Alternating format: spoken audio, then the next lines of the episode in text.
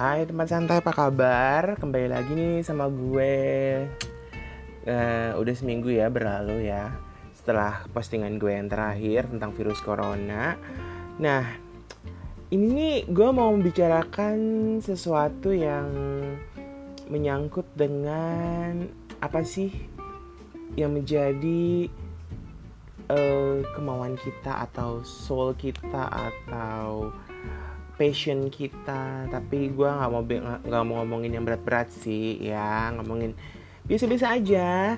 Nah beberapa waktu lalu kan sempat viral nih ada seorang cewek cantik ya jadi penjual tahu.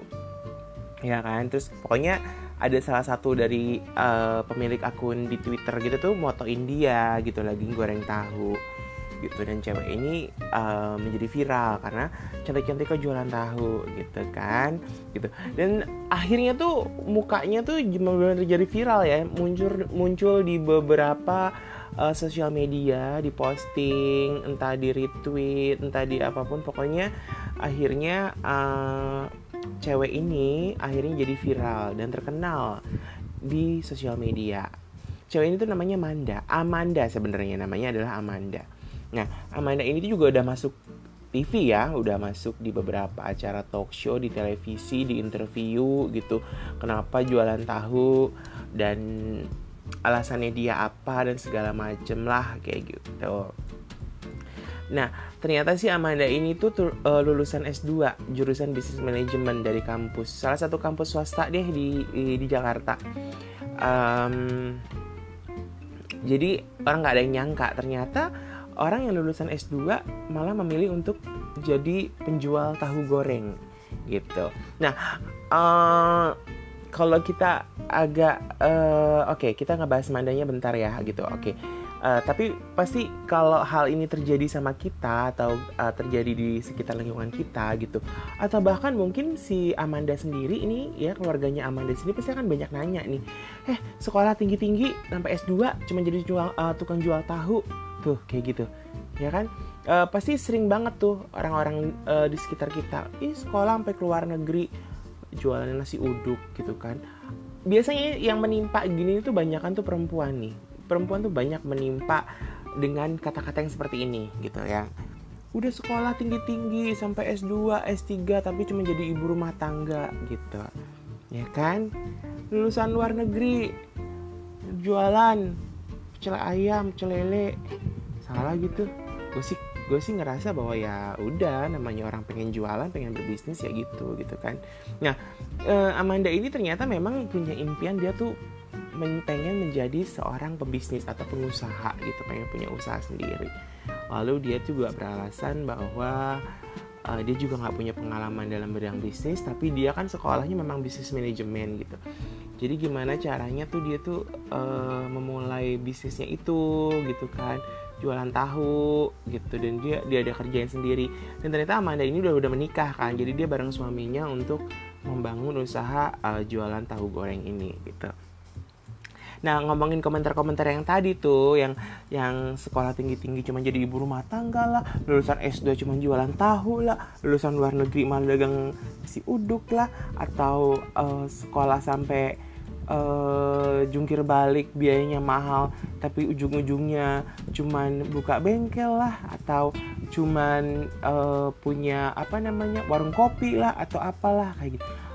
Kalau gue sih ya itu sih komentar dari zaman orde lama ya. Maksudnya gini dari zaman dulu orang tuh bahkan berkomentar seperti itu gitu. Kalau seseorang itu tuh sekolah tinggi lalu tiba-tiba dia tidak bekerja ya kan uh, di satu perusahaan atau di satu tempat atau di satu instansi yang ternama. Dan mereka ngerasa bahwa lu sekolah tinggi-tinggi tapi lo tidak memanfaatkan ilmunya gitu kan.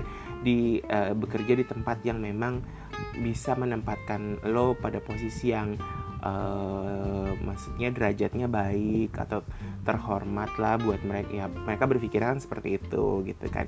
Ya gue nggak tahu apakah orang tua orang tua kalian juga akan berpikir seperti itu tapi gue nggak tahu juga kan.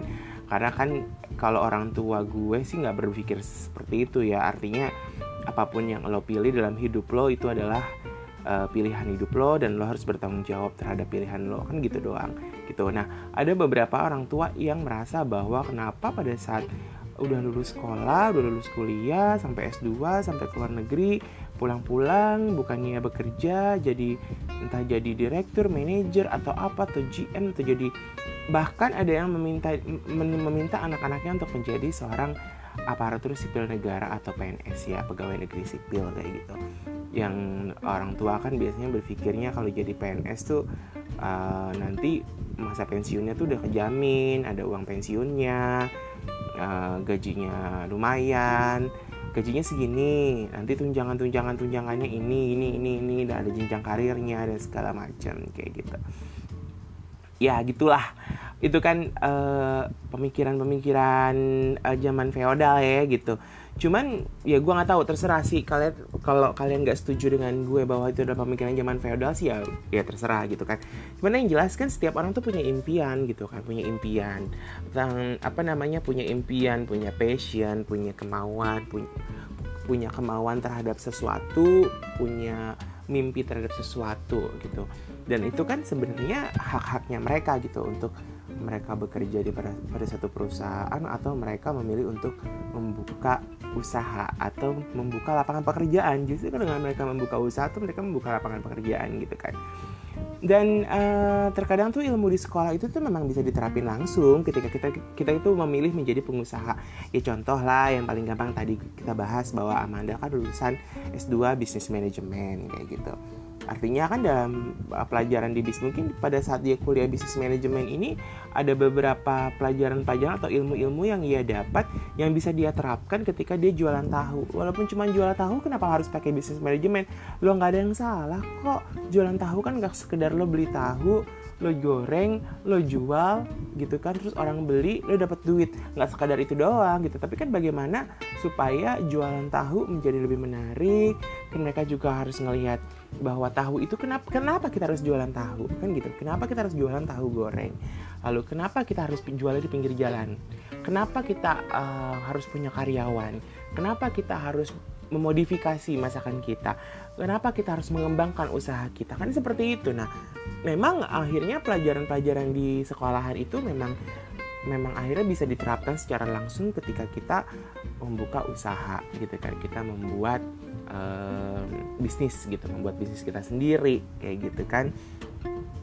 Uh, apa namanya uh, jadi uh, buk, ya pokoknya istilahnya mereka yang bersekolah tuh sebenarnya memang punya kelebihan ya punya punya uh, keuntungan lebih punya nilai plus lebih gitu dibanding mereka yang uh, buka sekolah buka maksudnya buka usaha tapi uh, nggak nggak istilahnya gini pendidikan mereka nggak setinggi uh, orang lain yang punya usaha juga gitu kan. Karena kan gue bukan bukan bermaksud nih mendiskreditkan nih orang yang yang nggak berpendidikan tinggi itu nggak bisa sukses jadi pengusaha. Itu tuh enggak gitu kan. Tapi uh, istilahnya gini ada plus minus lah gitu. Justru banyak kok pengusaha-pengusaha yang nggak ini nggak nggak berpendidikan tinggi artinya mereka cuma lulusan SD atau SMP gitu. Atau kan cuma SMA doang ya SMA lumayan sih ya gitu. Maksudnya SD atau SMP Nah, mereka tuh punya usaha dan usahanya itu tuh benar-benar sukses gitu. Bisa memberikan bisa mengembangkan usahanya bisa membuka cabang gitu kan. Bisa uh, apa membuka lapangan pekerjaan lagi di tempat yang lain. Ada juga yang memakai seperti itu. Makanya kan itu adalah bagaimana strategi setiap orang atau setiap uh, individu yang mau membuka usaha atau bisnis gitu. Gue minum dulu ah haus nih, kering tenggorokan gue.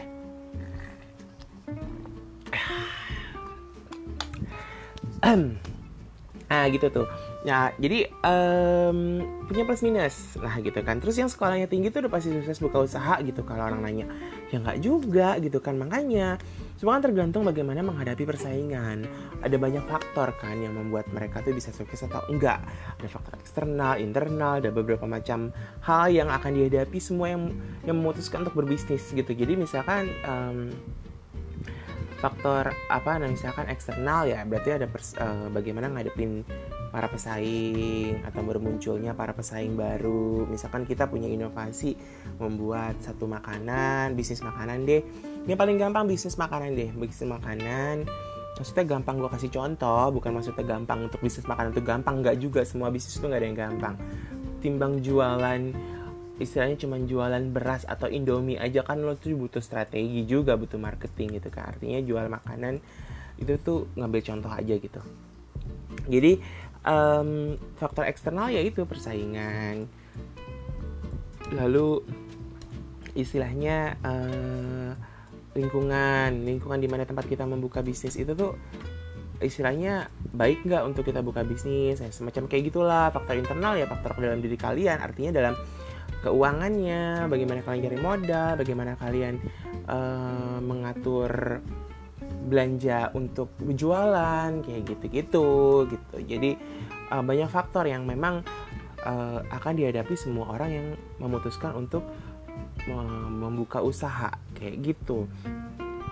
Banyak juga sih ya menurut gue yang pendidikannya nggak tinggi, nggak sukses jadi pengusaha gitu kan. Jadi nah uh, ya kayak tadi gue bilang tergantunglah bagaimana kita tuh ngadepin apa ya ngadepin tantangan dalam dunia bisnis gitu kan.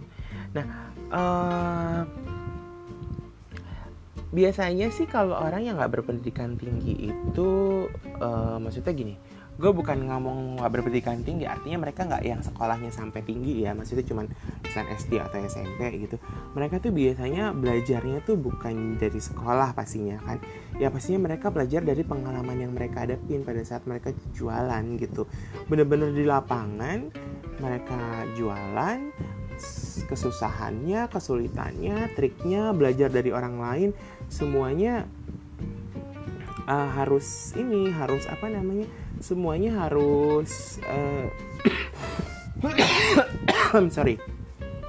Itu tuh semuanya mereka dapetin dari ketika mereka uh, menjalankan bisnis itu secara langsung. Artinya ya dari pengalaman gitu. Jadi uh, terjun langsung lah istilahnya terjun langsung berbisnis gitu kan. Ini sama-sama belajar juga gitu kan. Yang yang sampai sekolahnya S2 yang tidak sekolahnya S2 pun pada saat mereka berbisnis mereka kan belajar lagi belajar lagi bagaimana ngadepin kenyataan bahwa apa yang dipelajarin di sekolah itu nggak sesuai dengan kenyataan yang tidak berpendidikan tinggi artinya tidak sampai S2 tuh ya ya udah oh ternyata bisnis itu kayak begini gitu. Jadi mereka itu berarti uh, kemampuan kitanya sendiri tuh yang benar-benar diasah gitu kan. Badannya kan sukses atau enggak kan tergantung juga gitu kan. Akhirnya kalau buat mereka yang mau membuka bisnis berarti mereka harus berani belajar berani mengambil resiko gitu kan. Mau istilahnya ya gimana caranya supaya mereka bisa mengembangkan bisnisnya. Jadi bisnis itu nggak cuma kita membuat satu tapi kita bisa ngembangin nggak dari satu ini bisa berkembang menjadi yang lain gitu kan. Atau bisa lagi uh, kita membuat membuka unit usaha yang baru lagi gitu. Atau ya perkembang perkembangan bisnis itu kan misalkan dari kita bikin toko baju gitu kan. Misalkan toko baju kita punya toko di Tanah Abang misalkan toko baju baju anak lah awalnya mungkin. Oh lalu berkembang lagi kita jadi toko toko baju muslim gitu jualan baju muslim karena kita udah punya modal untuk buka baju muslim si baju anak tetap jualan kita buka lagi toko baju muslim berkembang lagi berkembang lagi berkembang lagi. Kalau misalkan kita punya unit usaha baru lagi ada bidang yang lain nah berarti kan berarti kesiapan dari in, faktor intern kita nih apakah duitnya ataukah modalnya itu cukup? Jadi kita ngomong kasarnya adalah uangnya ya uangnya modalnya itu cukup untuk kita buka usaha lagi. Misalkan oh ini gue gue udah udah udah settle artinya sudah mapan dengan usaha baju usaha konveksi atau usaha retail. Oke gue mau membuka uh, sekarang yang lebih ke kuliner. Misalkan gue mau buka kedai kopi atau kafe kopi gitu yang lagi ngetrend sekarang kan memang seperti itu ya kopi gitu.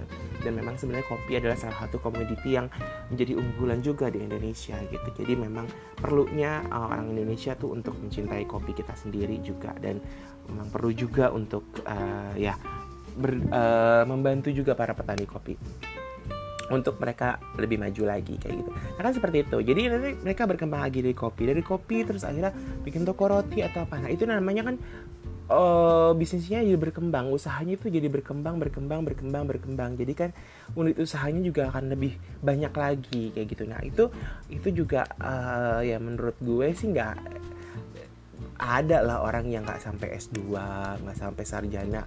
Mereka punya usaha dan usahanya akhirnya banyak. Bahkan mereka nggak mereka hanya fokus di satu aja misalkan kayak di makanan gitu. Mereka buka buka satu akhirnya mereka bisa buka cabang. Nah dibuka cabang banyak di beberapa uh, kota. Misalkan buka di Jakarta tahu-tahu mereka punya cabang di Bandung Surabaya di Medan atau di Makassar atau di Purwokerto kayak di Semarang atau di Surabaya. Pokoknya di kota-kota lain di eh, selain dari eh, pertama kali mereka membuka usaha ini gitu. Jadi ya itu itu juga salah satu eh, mengembangkan bisnis. Nah itu kan semuanya kan pelajaran itu juga dapatnya juga nggak cuma di sekolah. Jadi ada pengalaman yang lain. Jadi mereka juga belajar dari pengusaha yang lain saling berbagi ilmu gitu kan dan apa namanya ya ya itu apa yang dihadapin mereka kenyataannya kan mereka jalani juga gitu loh. Kenyataan-kenyataan bahwa bisnis tuh uh, usahanya tuh masih begini gitu kan. Yang mereka harus hadapin jalanin gitu. Bagi mereka yang yang memang mampu pasti akan bertahan lama gitu kan. Bisnisnya itu akan bertahan lama. Dan ya itu berkembang makin berkembang juga gue bilang seperti gue bilang tadi. Ya kan? Teman santai coba deh teman santai berpikir apakah anda lu lu semua pengen kerja di kantoran sama orang teman lu pengen punya usaha? Jangan malu-malu sih. Tapi coba aja mulai pelajarin usaha-usaha yang memang cocok sama lu memang dari jiwa lu deh panggilan jiwa. Gue manggilnya ya panggilan jiwa dan panggilan hati lah gitu kan susah, senang, sedih, jatuh, bangkit, semua dijalanin. Gitu memang seperti itu namanya usaha. Kadang-kadang ada orang yang punya usaha tuh gerakannya lambat, tapi ada juga yang cepat gitu. Nah, tapi bukan berarti yang lambat ini nggak sukses atau mungkin yang cepat ini selalu sukses nggak juga gitu kan. Terus bahkan ada yang sampai benar-benar terpuruk nih ya apa benar-benar yang mereka tuh punya usaha tuh jatuh banget utangnya banyak kayak gitu gitu nah itu kan bagaimana uh, mereka ngadepin situasi yang uh, seperti itu. Mental mereka akhirnya terbentuk. Nah mental ini kan biasanya di pelajaran di uh, universitas atau uh, sekolah tuh ya pelajaran ada mengenai mental mungkin ya gue udah lupa sih tapi yang gue jelasin dulu gue pendidikan moral pancasila deh dan pendidikan keluarga negaraan itulah. Tapi tuh kita nggak ngomongin mental gitu tapi lebih ke ngomongin moralitas aja gitu. Tapi moralitas yang baik tapi tidak didukung dengan mental yang baik juga sih ya uh, ya gue nggak bisa gue bisa gue nggak bisa ngomong bahwa mereka yang bermoral bermoral baik dan tapi tidak bermental baik itu uh, jadi orang yang agak enggak gitu kan. Tapi kan semua itu bisa diperbaiki. Artinya bisa bisa lah gitu seseorang itu belajar dari pengalaman-pengalaman hidupnya gitu. Ya kan? Nah uh, biasanya sih dari pengalaman-pengalaman itu tuh mereka tuh bisa tahu nih strategi-strategi bisnis, strategi-strategi marketing, bagaimana memasarkan hingga mengembangkannya lagi, nih kayak gitu pengalaman-pengalaman yang sudah mereka dapetin ketika mereka pertama kali membangun usaha, usaha pertama, kedua, ketiga dan segala macam. Ya memang begitulah ya. Orang kerja di kantoran juga begitu. Awal-awal juga pasti ada aja masalahnya, pasti ada aja lah uh, kendalanya. Lalu ya mereka pasti akan setiap orang pasti memiliki strategi lagi. Ini gimana nih supaya gue bisa bertahan kerja di sini? Gue bisa mencapai prestasi gue bisa mencapai karir yang baik. Kan gitu juga sama sama-sama usaha cuman beda tempat aja beda konteks gitu kan. Ya kalau kita ngelihat di negara-negara barat nih ya kita ambil contoh Amerika Serikat deh gitu kan. Kalau di sana tuh kan banyak uh, penjajah apa namanya food truck food truck gitu tuh. Atau penjajah street food lah makanan makanan jajanan gitulah. Kalau di Indonesia bilangnya makanan pinggir jalan gitu kan. Kalau di sana tuh emang rata-rata adalah para para lulusan sarjana gitu. Kalau mereka bisa dibilang oh lu punya food truck lu gagak? Enggak. Mereka tuh akan dianggap oh mereka pebisnis mereka pengusaha. Walaupun cuma jualan makanan pinggir jalan gitu kan. Ya karena sekolah tinggi tuh ngajarin ngajarin mereka tuh untuk jadi pengusaha gitu. Jadi sebenarnya pada saat kita sekolah sampai universitas sampai strata 2 strata 1, strata 2, strata 3 kayak gitu gitu kan. Kita sampai kita jadi dapat gelar dokter gitu. Kita kan bisa berkontribusi terhadap negara bukan dengan kita bukan hanya dengan kita tuh kerja di satu instansi perusahaan atau kerja sama orang. Nggak selalu gitu karena kita membuka peluang kita sendiri atau kita membuka peluang orang lain dengan membuka usaha pun juga kita bisa artinya memberikan kontribusi kepada negara ini. Jadi nggak perlulah uh, berpikir bahwa lu sekolah sampai tinggi terus lu harus kerja sama orang. Nggak harus seperti itu tapi kan itu pilihan ya. Nah perkara modal dan segala macam mah itu memang udah perkara intern ya. Kalian pasti uh, kalau gue sih nggak mau bahas tentang harus modal gimana adalah pakar yang lebih ngerti lah ya gitu. Kalian bisa-bisa baca juga bagaimana uh, dapetin modal ya entah kalian mau minjem sama orang tua kalau orang tua kalian punya yang mampu atau minjem ke bank gitu kan. Ya dengan berbagai resiko lah tapi memang namanya usaha ya resikonya banyak gitu kan. Jadi gimana sebagai pengusaha membangun bisnisnya itu tuh dengan banyak faktor yang ada gitu. Nah kita ambil contoh nih. Kayak kita tahu kita tahu kan kalau Neil Sanders ya istilahnya si bapak ayam goreng ini nih memulai bangun KFC ini. Awalnya kan dia juga sebenarnya dari muda dia tuh selalu gagal untuk dia kerja di sini gagal kerja di situ gagal kerja di sini gagal kerja di situ gagal. Intinya gini nggak bertahan lama. Dia nggak nggak bertahan dengan satu bidang lalu dia mulai usaha ini gagal usaha itu gagal gitu kan sampai akhirnya keideannya dia tuh ketika pokoknya dia tuh sempet jadi tukang masak atau gimana lah gitu lah ya pokoknya. Sampai dia tuh keidean bikin ayam goreng tepung itu loh. Awalnya itu tahun berapa ya? Pokoknya udah pokoknya sekitar tahun berapa 50-an apa 60-an gue lupa deh. Pokoknya udah lama lah gitu dia tuh dia tuh bikin tuh ayam goreng tuh. Dia jual awalnya sih jualan jajain dari menjajakan dari rumah ke rumah gitu kan. Mau beli mau beli mau beli mau beli.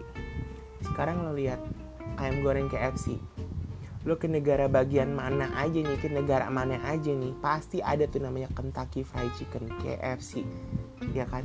Mendunia gitu. Artinya juga sekarang uh, kesuksesannya yang dia dapat nih ketika KFC itu tuh akhirnya berhasil itu tuh si Colonel Sanders tuh usianya udah nggak muda.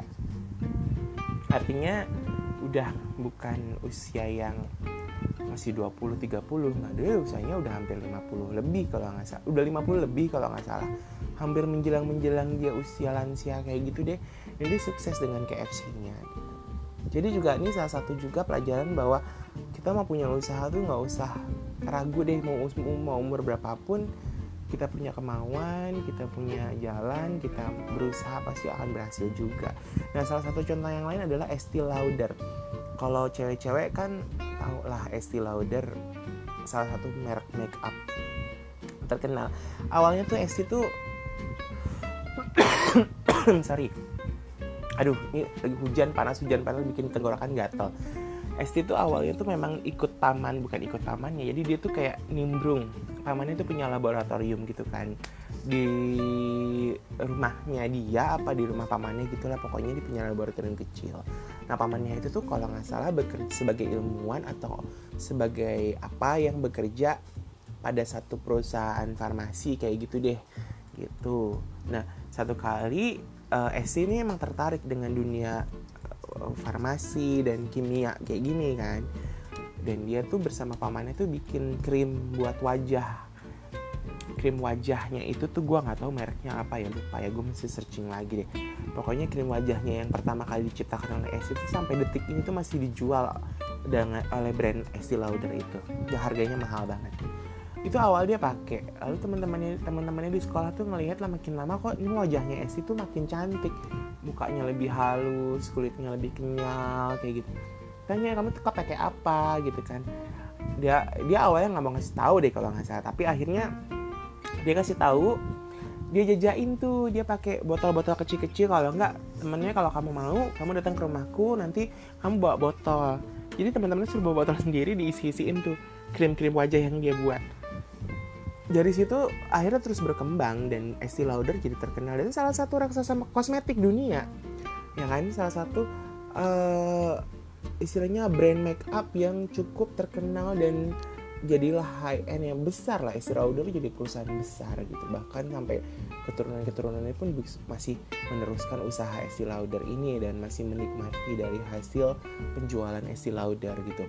Lalu dalam dunia fashion tuh ada namanya uh, Gabriel Chanel atau Gabriel Coco Chanel.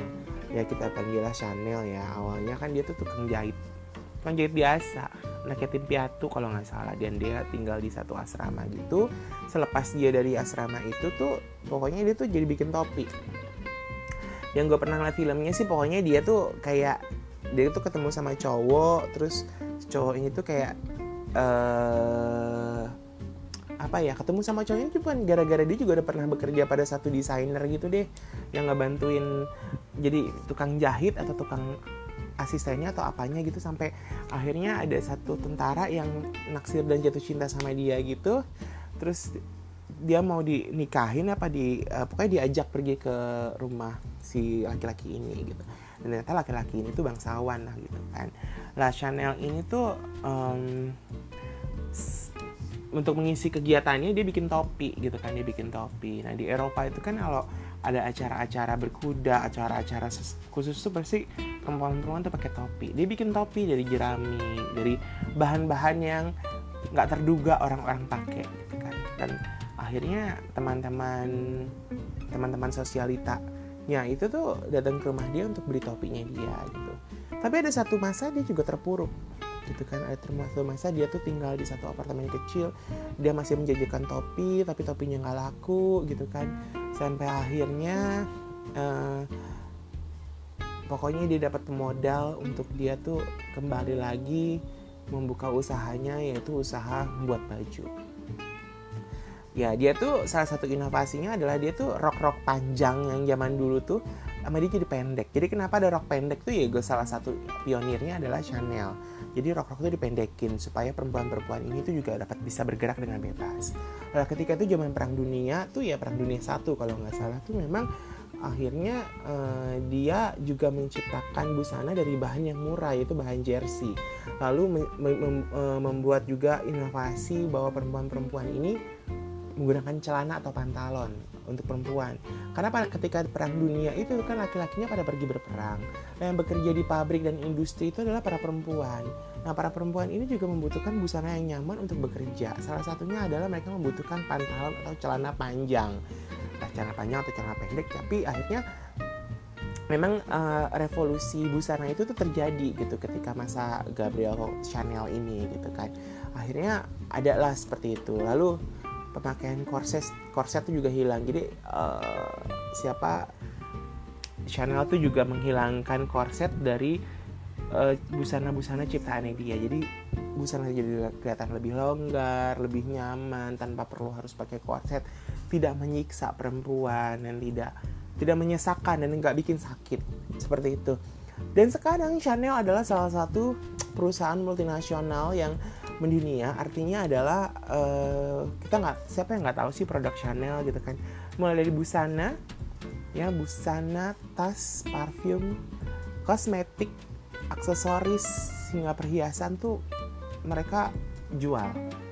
Bahkan mereka juga men, kayak bikin sendiri bahan baku kain-kain yang mereka mau bikin untuk uh, koleksi busana selanjutnya ya. Mereka tuh punya pabriknya sendiri juga kayak gitu Nah, itu juga kan salah satu contoh gimana kadang pendidikan tinggi juga tidak tidak menjamin seseorang uh, bisa jadi pengusaha yang sukses juga atau misalkan jadi atau gagalnya juga nggak nggak nggak nggak pasti kayak gitu kan. Jadi semua balik-balik lagi kepada diri kita masing-masing. Jadi sekolah tinggi itu nggak melulu kerja sih tapi tergantung juga dengan panggilan hati. Jadi ada sebagian merasa panggilan jiwa dan hatinya tuh pada dia bekerja pada satu perusahaan impian. Dia tuh pengen bekerja pada satu perusahaan besar. Ada juga yang panggilan jiwanya untuk membuka usaha atau membuka bisnis.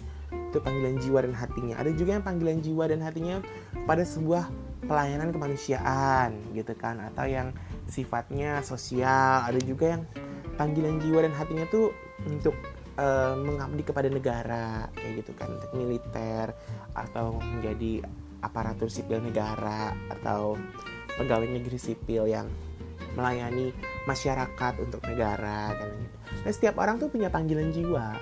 Jadi nggak nggak nggak akan nggak bisa disamain, nggak bisa dipaksakan bahwa setiap orang harus seperti ini, seperti ini, seperti ini. Masing-masing punya jalan hidupnya masing-masing. Maksudnya punya jalan hidupnya sendiri-sendiri.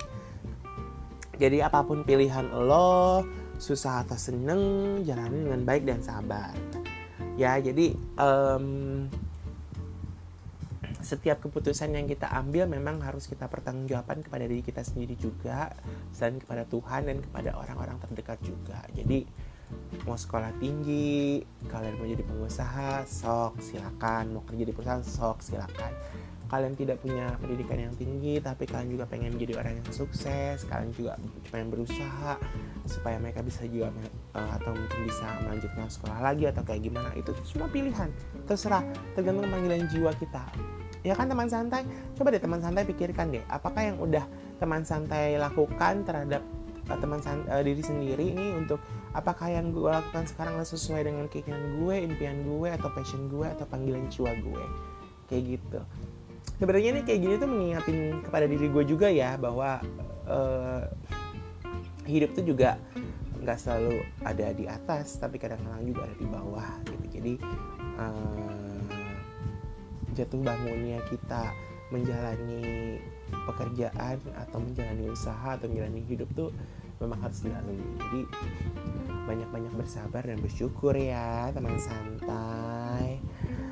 Aduh deh kayak gue nggak mau kelamaan juga ngomongnya basa-basi busuk gue cocok gue ini ya kan Oke, sampai bertemu lagi teman santai. Jangan lupa boleh di-share atau kalian follow podcast gue. Oke. Bye.